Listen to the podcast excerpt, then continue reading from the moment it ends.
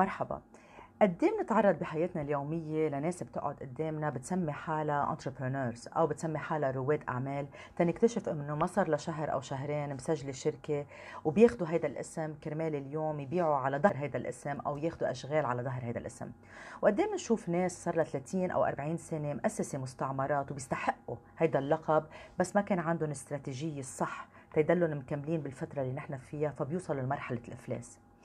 كلمة رائد الأعمال اليوم كلمة كتير كبيرة وكلمة اللي بده يحملها الشخص بده يكون مسؤول إنه يحملها ومسؤول إنه يقعد قدام الشخص تيحكي ويقول أنا entrepreneur هيدا الشخص بيكون فرد أخذ مسؤولية عامة على حاله تيبلش شركة معينة بيفوت بمخاطر السوق الموجودة ويكون عنده كفاءة وعنده ابتكارات عديدة تيقدر يكون entrepreneur اليوم ب entrepreneur بهيدا ال tips اللي أنا عم بعمله رح اعلمكم كيف تصيروا انتربرنورز وكيف تلعبوا دور كتير مهم باقتصاد الدولة؟ وكيف اليوم تتبعوا the different types of entrepreneurships يعني كل الشغلات اللي نحن فينا اليوم نبتكرها ونعملها تنكبر شركاتنا تنقدر اليوم نوقف قدام الناس ونقول إنه نحن رواد أعمال.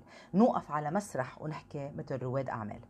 خليكن معي لأنه يوميا رح اعطيكم تبس صغيرة كيف فيكم اليوم تصيروا انتربرينورز وكيف فيكم تكبروا بمجالكم نهاركم سعيد.